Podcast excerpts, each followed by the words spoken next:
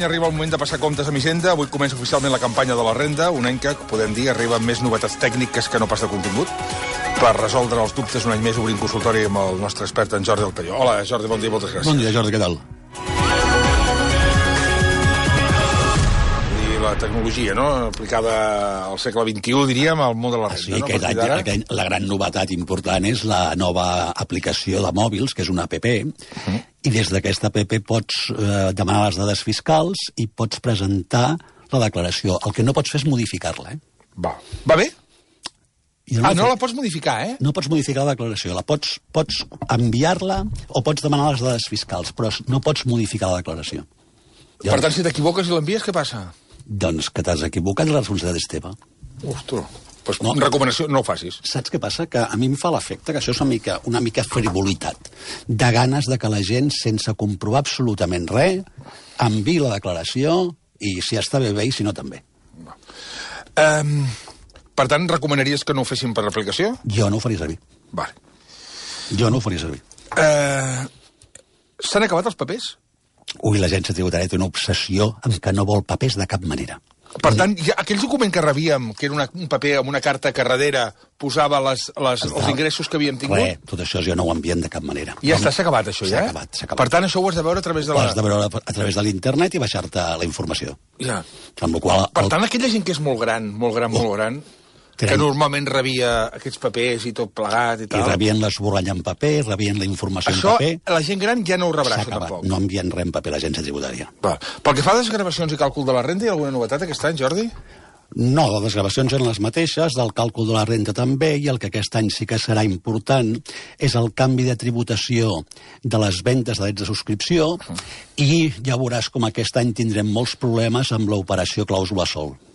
Ah, sí? Clar, perquè aquest any se n'han tornat, s'ha arribat a molts acords amb els bancs per la devolució dels interessos pagats amb excés, i això depèn de si ho has fet servir per deduir-te eh, inversió en vivenda habitual, o has de... Eh, S'ha d'entendre, eh? Imagina't que t'han tornat 12.000 euros. D'acord. Tu no has de posar a la declaració de renta els 12.000 euros. No els has de sumar a cap ingrés. El que has de fer és calcular d'aquests 12.000 euros que et vas desgravar amb el seu moment i, Ui, afa i afegir-ho a, la, a la quota líquida. Bueno, anem a fer la, el consultori de la gent, perquè Vale. doni Va, Vale. Vinga, comencem? Luciano. Me están revisando mi renta de volver. Cuando finalice me deben pagar los intereses desde diciembre, des de l'any passat, eh? Sí, i tant. Des, del, des de l'1 de gener hem de pagar interessos de demora. O sigui que, que curiós, és normal que, tinguin, que triguin tant en, en pagar? A les devolucions de l'any passat han sigut una desgràcia. Una desgràcia. Ah, sí? Hi ha moltíssima gent que encara no ha cobrat. Tota la gent que va rebre un requeriment perquè li feia falta algun, aclara, al- algun aclariment o algun document o alguna cosa, la gran majoria no han cobrat encara. No. Ja estem a l'inici de la campanya del siguiente any, t'ho imagina't. Les, un oient diu, les assegurances associades a una hipoteca es poden deduir? Sí. A quina casella i com? En deducció per habitatge en declaració conjunta diu que no deixa modificar. El que no deixa modificar. La, les assegurances associades, interpreto. Sí, sí que es pot gravar. Es Sí, pot, eh? És massa inversió en vivenda habitual. Val. La Letícia. Visc en el mateix pis de lloguer des de l'any 2010, juliol 2010. Vale? Tenia un contracte de 5 anys que va caducar el juliol 2015. Vale. vale? Fins aquí normal. Després no vam renovar contracte, però visc allà. Sense contracte. Tinc els contractes d'aigua, gas, llum, telèfon i de més allà i estic apadronada allà. Puc desgravar el lloguer? Si no té contracte, no. Clar, que tampoc l'entenc el que vol dir això. Em passa com a tu. Clar. Diu que viu al mateix pis del lloguer des del juliol 2010, tenia un contracte que va caducar el juliol 2015, no vam renovar el contracte, però viu allà. Pues llavors és que no té contracte. Clar, llavors vol dir que no té contracte. Per tant, si no té contracte... si No, no té contracte, oblida't. no, clar. La Eva, si a casa fem la declaració de la renta per separat, Sí. les deduccions per donació que es fa a l'escola, ens podem beneficiar els dos o només un? Mira, això és una, una qüestió que es dona molt sovint, eh? Només se la podrà desgravar aquell titular de la certificació que faci l'escola. És a dir, si l'escola només certifica la donació a nom d'un, només aquest. Val. El David, l'any 2016 vam comprar un pis nou en un nou municipi. Sí. L'any passat vam vendre un pis anterior que teníem des del 2002 per un import una mica superior al que ens va costar en el seu moment. En el nou municipi portàvem de lloguer i empadronats des del 2013. Sí, Amb els diners que en vam treure vam amortitzar part de la hipoteca del nou pis. sí. Entenc que la declaració de la renda hem de tributar per l'increment de guanys Ara bé, és deduïble l'amortitzat a la nova vivenda? No, ha de, ha de tributar pel guany patrimonial generat per la, per la venda de la primera vivenda i l'amortització de la nova no és deduïble. Hi ha un termini per declarar els beneficis? A l'exercici que s'han produït, és a dir, si es va vendre la, quan, diu quan es va vendre la primera vivenda? Van vendre un pis anterior que... L'any passat van vendre un pis anterior que tenien des del 2002. Doncs l'ha de declarar a la renda del 2017, és dir, aquesta que fem ara. Vale. Diu, si fem reformes aquest any a la nova vivenda, puc desgravar-me el cost en la declaració de l'any vinent i declarar llavors els beneficis obtinguts de la venda del pis venut el 2017? No, No. rotundament no. Ha de No. declarar el guany el 2017 i les, les reparacions que faci no són deduïbles. 3 minuts i les 11. La Raquel, continuem en aquest consultori del món RQ, vam tenir un fill el passat 15 de maig. Molt bé, felicitats. Moltes gràcies. Ah, no, perquè vull dir el nom de la Raquel. Vull dir. Dels 100 euros mensuals que ens permet anticipar el model 140, Sí, només n'hem cobrat 3 mesos. correcte. La resta de mesos els podem deduir a la renta, no? I tant, a la renta del 2017. I, el, I els 15 dies de maig, del 15 al 31, deduïm 50 euros o el mes de naixement no es cobra? No, no, el mes de naixement sí que es cobra. Sencer? Sencer, O, encara que hagi nascut el dia 15? sencer. David, de Sant Cugat. He estat mirant l'esborrany de la renda i tinc un dubte. A la base imposable general em posa el mateix import que el rendimiento neto reducido. És correcte? El rendimiento rento reducido de què? Perquè hi ha molts, molts, molts rendiments nets re reduïts per naturalesa. Va, Tenim que saber quin rendiment net reduït s'està referint. va. L'Anna, sóc propietari d'un pis al 50% amb el meu marit. Sí. Ara mateix a l'edifici s'estan duent a terme obres per les que estem pagant una derrama. Sí. Això es desgrava o fins que no s'hagin acabat no? No, no, no, no es desgrava ni ara ni quan s'acabin. Les derrames no es desgraven. Ja no hi ha deducció. Les obres ja no tenen deducció? Han passat encara hi havia deducció a obres. Van començar a finals del 2017, però encara s'allargaran durant aquest 2018. Res. Res. No, no es Des de quan això? res. Van desaparèixer, si no recordo malament, el 2015. Marta, com he de reflexar que vaig perdre tot el que tenia invertit en accions populars? Aproximadament uns 10.000 euros. O ha de reflexar-ho com una pèrdua patrimonial que prové d'una transmissió a la base imposable de l'estalvi. Això li passarà a molta gent, eh? Va. Sí? Una pèrdua patrimonial que prové d'una transmissió a la base imposable de l'estalvi. Va. Anem amb les consultes telefòniques. Va, la Carme. Jo vull saber com pot ser que fent uh, una renta individual em surti a pagar, al meu home li surti a retornar i si la fem conjunta ens surti a pagar menys del que pago jo sola. És a dir, a mi em surt a pagar uns 300 euros, al meu home li surt a retornar uns 300 euros i si la fem conjunta ens surt a pagar uns 290 euros. Això no és massa, no és massa possible, eh? Revisi la declaració de renta perquè no pot ser. Va. Una altra.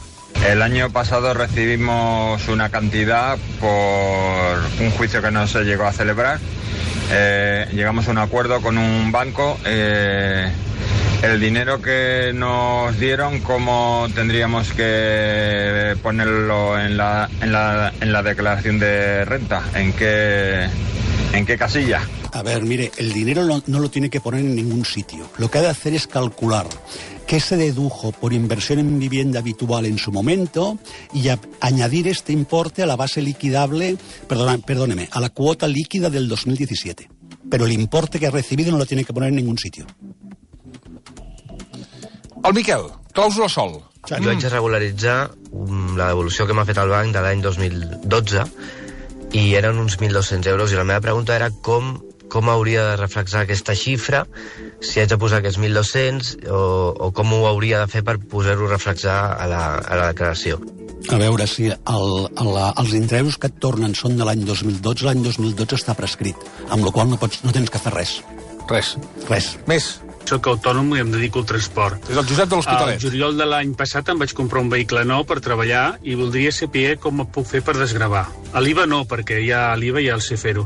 És, jo sé que amb l'anterior vehicle vaig poder-lo desgravar, em sembla, en quatre vegades, no sé si era el 25% o el 5%. I era per saber si a quina casella es tenia que posar o com fer-ho. A veure, la, el, el camió, aquest camió que és una, un actiu efecte a la teva activitat empresarial és amortitzable, amb la qual cada any del món tens una despesa que pots reduir dels teus ingressos de l'amortització d'aquest vehicle. Ara no recordo si això és un 20% o un 25% anual, però està per aquí, eh? L'Albert. La meva consulta seria de que aquest desembre passat, del 2017, em vaig afiliar a un partit polític, a PACMA, era Sí. per si aquesta declaració de la renta eh, podia ficar això o no. Sí, pots posar-ho com una reducció de la base imposable per obtindre la base liquidable. L'Alba, Es pot declarar el lloguer del pis on vius? I si tens dos lloguers? La veritat és que no entenc la pregunta. és a dir, si es pot si es desgrava el lloguer. No, ja no. Si, Ja no, eh? si el contracte de lloguer és posterior al, do- a l'1 de gener del 15 ja no es desgrava el lloguer. Si el contracte de lloguer és posterior a l'1 de gener, del 15 ja no es desgrava el lloguer. però si el lloguer està firmat al contracte... No, no una pròrroga, eh? La pròrroga Sí, sí, la, si tens un contracte firmat abans, del 1 de gener del 15 i fas la pròrroga del mateix contracte, et t'aculls al règim transitori i te la pots seguir desgravant. Sí? Sí, i si el, el, el, el, el, el contracte el fas a l'1 de, gen... a l'1 de novembre del 2014, com que són 5 anys o 4, bueno, clar, si sí. encara no estàs, Si encara estàs, el podràs desgravar, perquè és un lloguer firmat abans de l'1 de gener del 15 amb dret a deducció. I llavors t'apliques al règim transitori. el Xavi, també sobre el lloguer. M'agradaria saber si es desgrava el lloguer havent renovat el contracte fa un any. Sí, Val, sempre- fins ara el desgravava i és per saber si el puc seguir desgravant. Fa Sí, el un any contra- vol dir que és el... De, de, estem parlant, de, si fa un any, estem parlant que es va firmar el 2017. No. Si, el, si vas firmar el contracte de lloguer abans de l'1 de gener del 2015 Per i tant, ara, en el l'ha cas que ens ocupa és no. i ara, home, si l'ha renovat, sí. Si l'ha renovat, sí. sí. Si és anterior a l'1 de gener del 15 i l'ha renovat, sí que es la pot des seguir des desgravant pel règim transitori. Val, la pregunta de la Mercedes. Jo sóc una pensionista que ja m'atreuen a Hacienda i cobro 997. La meva pregunta és, tinc que fer la declaració quan tinc, tinc una casa que estic pagant una mica d'hipoteca i una altra que la tinc buida? No, no té que fer res perquè té uns ingressos inferiors a 22.000 euros. No cal que faci res. No es compliqui la vida. El Paco. L'any passat em vaig comprar un pis i la meva pregunta és, eh, bueno, jo vaig pagar tots els impostos, a Hisenda i tot això, si aquest pis ho tinc que declarar a la declaració d'aquest any i com es té que fer o si hi ha alguna deducció, eh, que m'ajudeu, aviam, que, que, com tinc que, que declarar el pis que em vaig comprar l'any passat. A veure, depèn del destí que li doni el pis. Si aquest pis que va comprar és la seva vivenda habitual, les deduccions per inversió en vivenda habitual es van acabar el 2016, amb la qual no té cap deducció. I si aquest pis el té buit, ha de declarar-se una imputació de renta immobiliària. I si el té llogat, ha de declarar un rendiment del capital immobiliari. Depèn de la finalitat d'aquest pis. David. M'agradaria saber si sent autònom i anant per mòduls es pot desgravar un cotxe nou. No, no, perquè vas amb mòduls i no tens desgravacions pel, pel vehicle nou. I a més, vas aquest serà un vehicle parcialment afecte, amb la qual no te'l pots desgravar. La Sílvia té Mira, vaig fer obres a la façana i m'han dit que això desgrava. Tenim la factura que nos ha donat l'administració, el que no sé és com, en quina casella de la renta ho he de posar, la quantitat que nosaltres estem gastant. Si, si les obres es va fer el 2017, ja no hi ha deducció per obres. Ricard. Eh, el año pasado vendimos la casa de mi madre para viuda para irse a una residencia voluntariamente. Y en la herencia mi padre me dejó el 40%. ¿Cuánto voy a tener que pagar este año de, de lo que he percibido? A ver, Ricardo, la herencia de tu padre no se ha de poner en la declaración de renta porque tributa por el impuesto de sucesiones. Y respecto de la venta de la casa de tu madre, como supongo que era su vivienda habitual y tu madre era mayor de 65 años, la ganancia patrimonial está exenta. No has de hacer nada. Uh, L'Àgata. que heu dit eh, que podien deduir alguna cosa als que, les famílies que tenien algun nen acollit. Nosaltres vam acollir una nena saharaui però només dos mesos a l'estiu. No sé si això també també entra. Sí, sí, hi ha una deducció per acolliment. Ara no et puc dir l'import exacte, però hi ha una deducció per acolliment de, de nens. Ah, està molt bé. L'Oriol eh, pregunta això. Uh, el passat novembre la meva parella i jo vam tenir la nostra primera nena Sí. i ara toca fer doncs, la nostra primera de- declaració per separat, no conjunta, amb una criatura a casa. I era per saber quines aportacions, bueno, què, què ens podíem deduir o, o què ens donava l'Estat. Sabem que hi ha uns 1.200 euros, però no sabem si hi ha alguna coseta més, perquè per, generalment aquestes coses, no sé, moltes vegades en el borrador no apareix. No, Aleshores, bueno, si ens podia ajudar. I què recomana? Eh, no estem casats ni som parella de fet. Fer-la conjunta o separada, la declaració? A veure, mira, anem pel final. Si no esteu casats, la declaració conjunta no la pots fer. perquè només poden fer declaració conjunta les persones que tenen un vínculo matrimonial. Primer tema. Segon tema. A Catalunya hi ha una, hi ha una deducció de em sembla que són 300 euros pel naixement d'un fill nou. A més d'això, tens una reducció per, eh, per, eh, per càrregues familiares que és amb el primer fill de 3.000 euros, si no recordo malament, i a més pots demanar el pagament de 100 euros mensuals durant, des del el mes que va néixer la nena fins al 31 de desembre. Amb diners, eh? El Bernat. Um, volia preguntar si he provat a fer la declaració de la renta i no em surt uh, un dels pagadors de l'any 2017. Volia saber on hauria de consultar i, i, i com es modifica i bueno, quins problemes hi poden haver si en cas de que no, de que no el posi. A veure, el que ens de fer és demanar els datos fiscals i allà, et sortiran tots els pagadors. I On allà, es demana els datos fiscals? per la APP aquesta o per la, per la renta web. Llavors, eh, no presentis la renta per l'APP perquè no es pot modificar, sinó que et situes en el renta web, modifiques l'esborrall de la declaració i la presentes. Però primer demana els datos fiscals i així sabràs quin és el segon pagador. El Pablo. M'agradaria saber si l'assegurança de vida que tinc lligada a la hipoteca i l'assegurança de la casa em desgraven a l'hora de fer la declaració. L'assegurança de vida, si l'assegurança de l'hipoteca... Ai, perdona, amb l'assegurança de, la, de la casa no. I el Joan? Jo vaig fer unes reparacions de l'antena i el cablejat de la- de l'antena televisió, de la televisió i voldria saber si això em podria desgravar com a reparació o reforma de l'habitatge. Les reparacions ja no les graven des del 2016, em sembla. Manel, la meva família, la meva fa filla, ni família ni res, la meva filla va començar a treballar el juny del 2017, sent encara menor, ja que ella va complir els 18 el 28 de setembre. Sí. Els ingressos totals bruts que va obtenir fins a 31 de desembre són 10.550 euros, per la qual cosa entenc que no està obligada a fer la declaració. Correcte, perquè no arriba a 12. I sent l'esborrany em posa la meva filla a l'apartat de fills amb edats compreses entre 18 i 24, i a la casella volum de rentes la quantitat és de 7.700 i pico, Eh? quantitat que no sé d'on surt. No sé si això és correcte o si simplement he de desmarcar aquesta casella i no declarar res d'ella, o si he de declarar els ingressos que va obtenir sent menor. No ha de declarar res de la nena. Que no ho faci. La Mònica de Sant Feliu de Guíxols. Quan entro el borrador sobre una finestreta per posar les dades de família nombrosa i em pregunta número de ascendientes. Voldria saber què són els ascendientes. Pares. Els pares són. David Requena, l'any passat vam ser pares i vam cobrar de la baixa de maternitat i paternitat i la mare cobra... La, la gent fa unes preguntes... La, la, no ho dic per aquesta, eh? L'any passat vam ser pares i vam cobrar de la baixa de maternitat i paternitat i la mare cobra l'ajuda de 100 euros cada mes. Sí. Hem de declarar alguna cosa d'això? Bona, aquesta. L'ajuda dels 100 euros l'han de declarar, però l'han de posar i després restar-la. I respecte a les baixes per maternitat, per paternitat, por supuesto, perquè és un rendiment del treball. Quin és el mínim per estar, eh, per estar obligats a fer la declaració?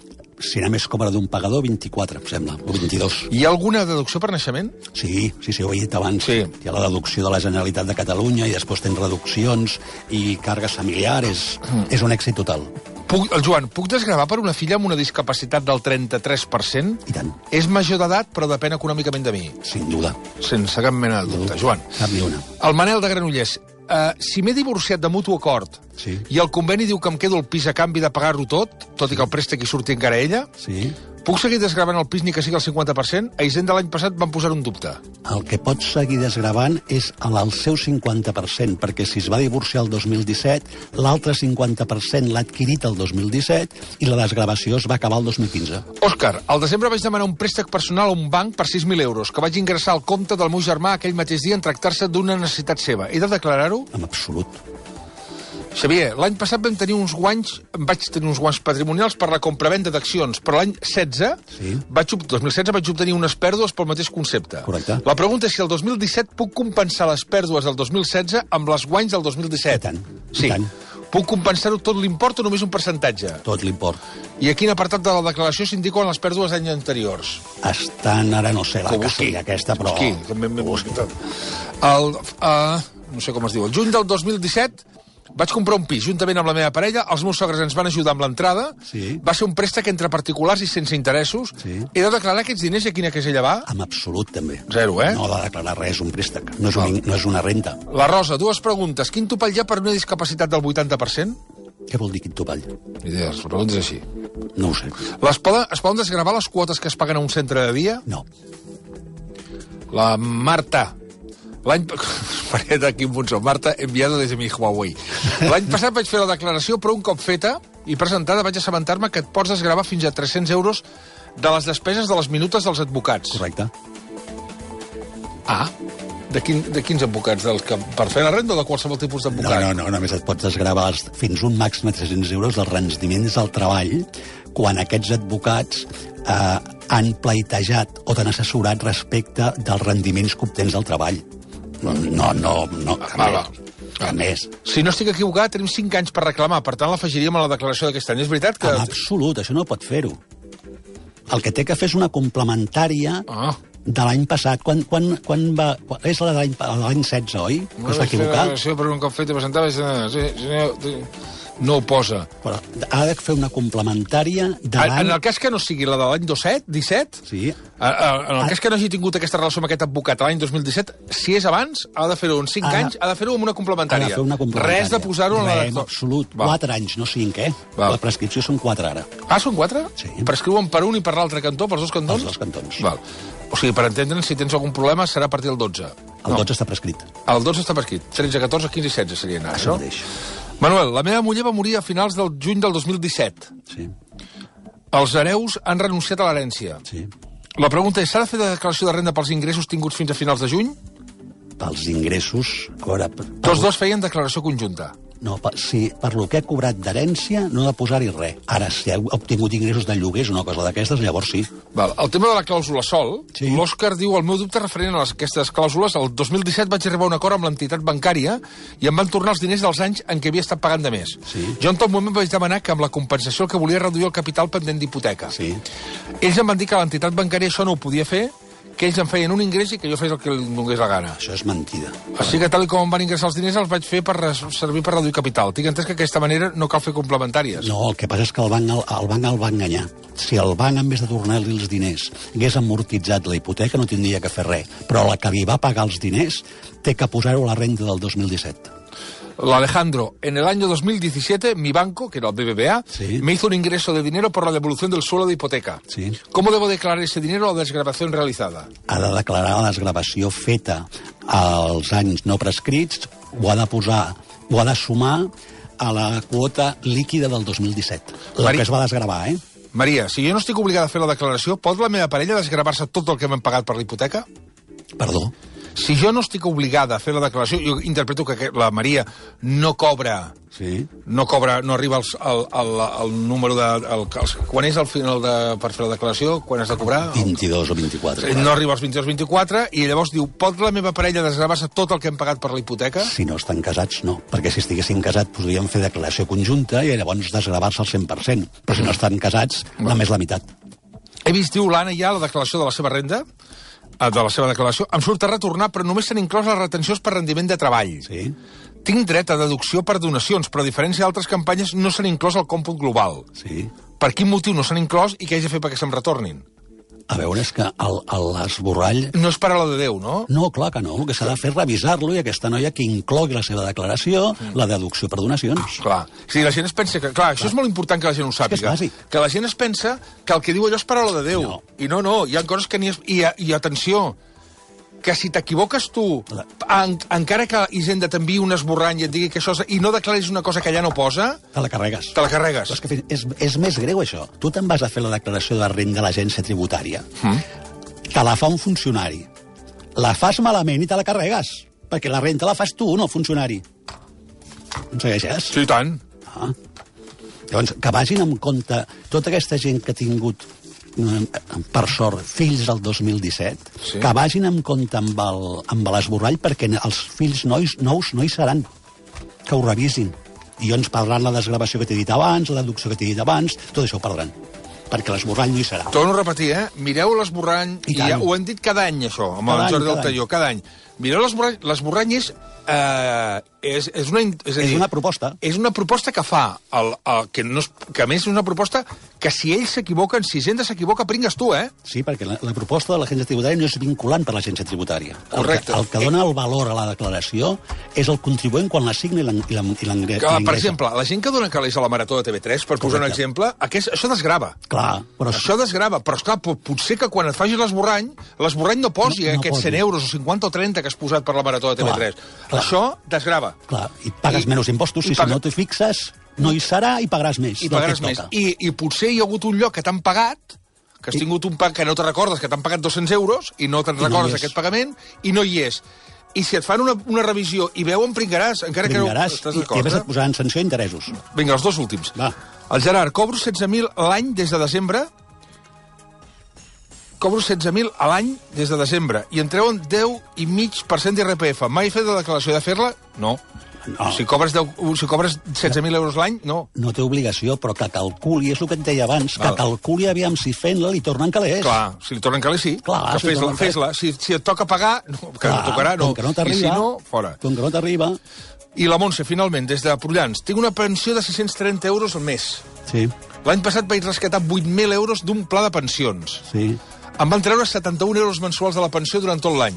Sí. Hauré de pagar alguna cosa a la renda? Demana A gaire... veure, has de, has de sumar el que va rescatar del pla de pensions, li has de fer, si ho va res- rescatar en forma de capital, una reducció del 30%, per, del 30% i si ho va rescatar en forma de renda, ho ha de sumar a la pensió que cobra. I quan li surt? Si ho 5.000 ha de euros, sumar. estic sumant més o menys, eh? més o menys així a, a ojo de ben cuero, que deien, eh? Sí. en castellà. Eh, calcula que són 630... eh, 100, posem-li aquí... Sí, però li surt més de 12, no? 7, sua, 12.000 i pico, 13.000. Que ho miri, perquè ja sap que si li surt més de 12, com que cobra de dos pagadors, una és la Seguretat Social i l'altra, ha de fer-la. Perfecte. Jordi Altaió, ens veiem aviat una altra vegada quan es vagi acabant això per tornar Quan a fer vulgueu. dubtes. Eh? Moltes gràcies. Recordeu que Jordi Altaió és el president de la Comissió Econòmica i Financera, Comptable i Tributària del Col·legi de Gestors de Catalunya i, per tant, ens pot il·lustrar de quina manera sobre aquesta, aquesta renda que comença avui, es pot començar a fer avui, i que s'acaba, últim dia... 2 de juliol. 2 de juliol. És a dir, tenim eh, 3 mesos per davant. mesos. Un trimestre per davant. Per tant, calma, però tampoc perdem la paciència. No, però- però anem-la fent. Tampoc, tampoc cal córrer, eh? El que s'ha de fer és revisar-la. Això és molt important. I no córrer. Gràcies, Jordi. Molts de res. 11 i 18. El món a RAC1 amb Jordi Basté.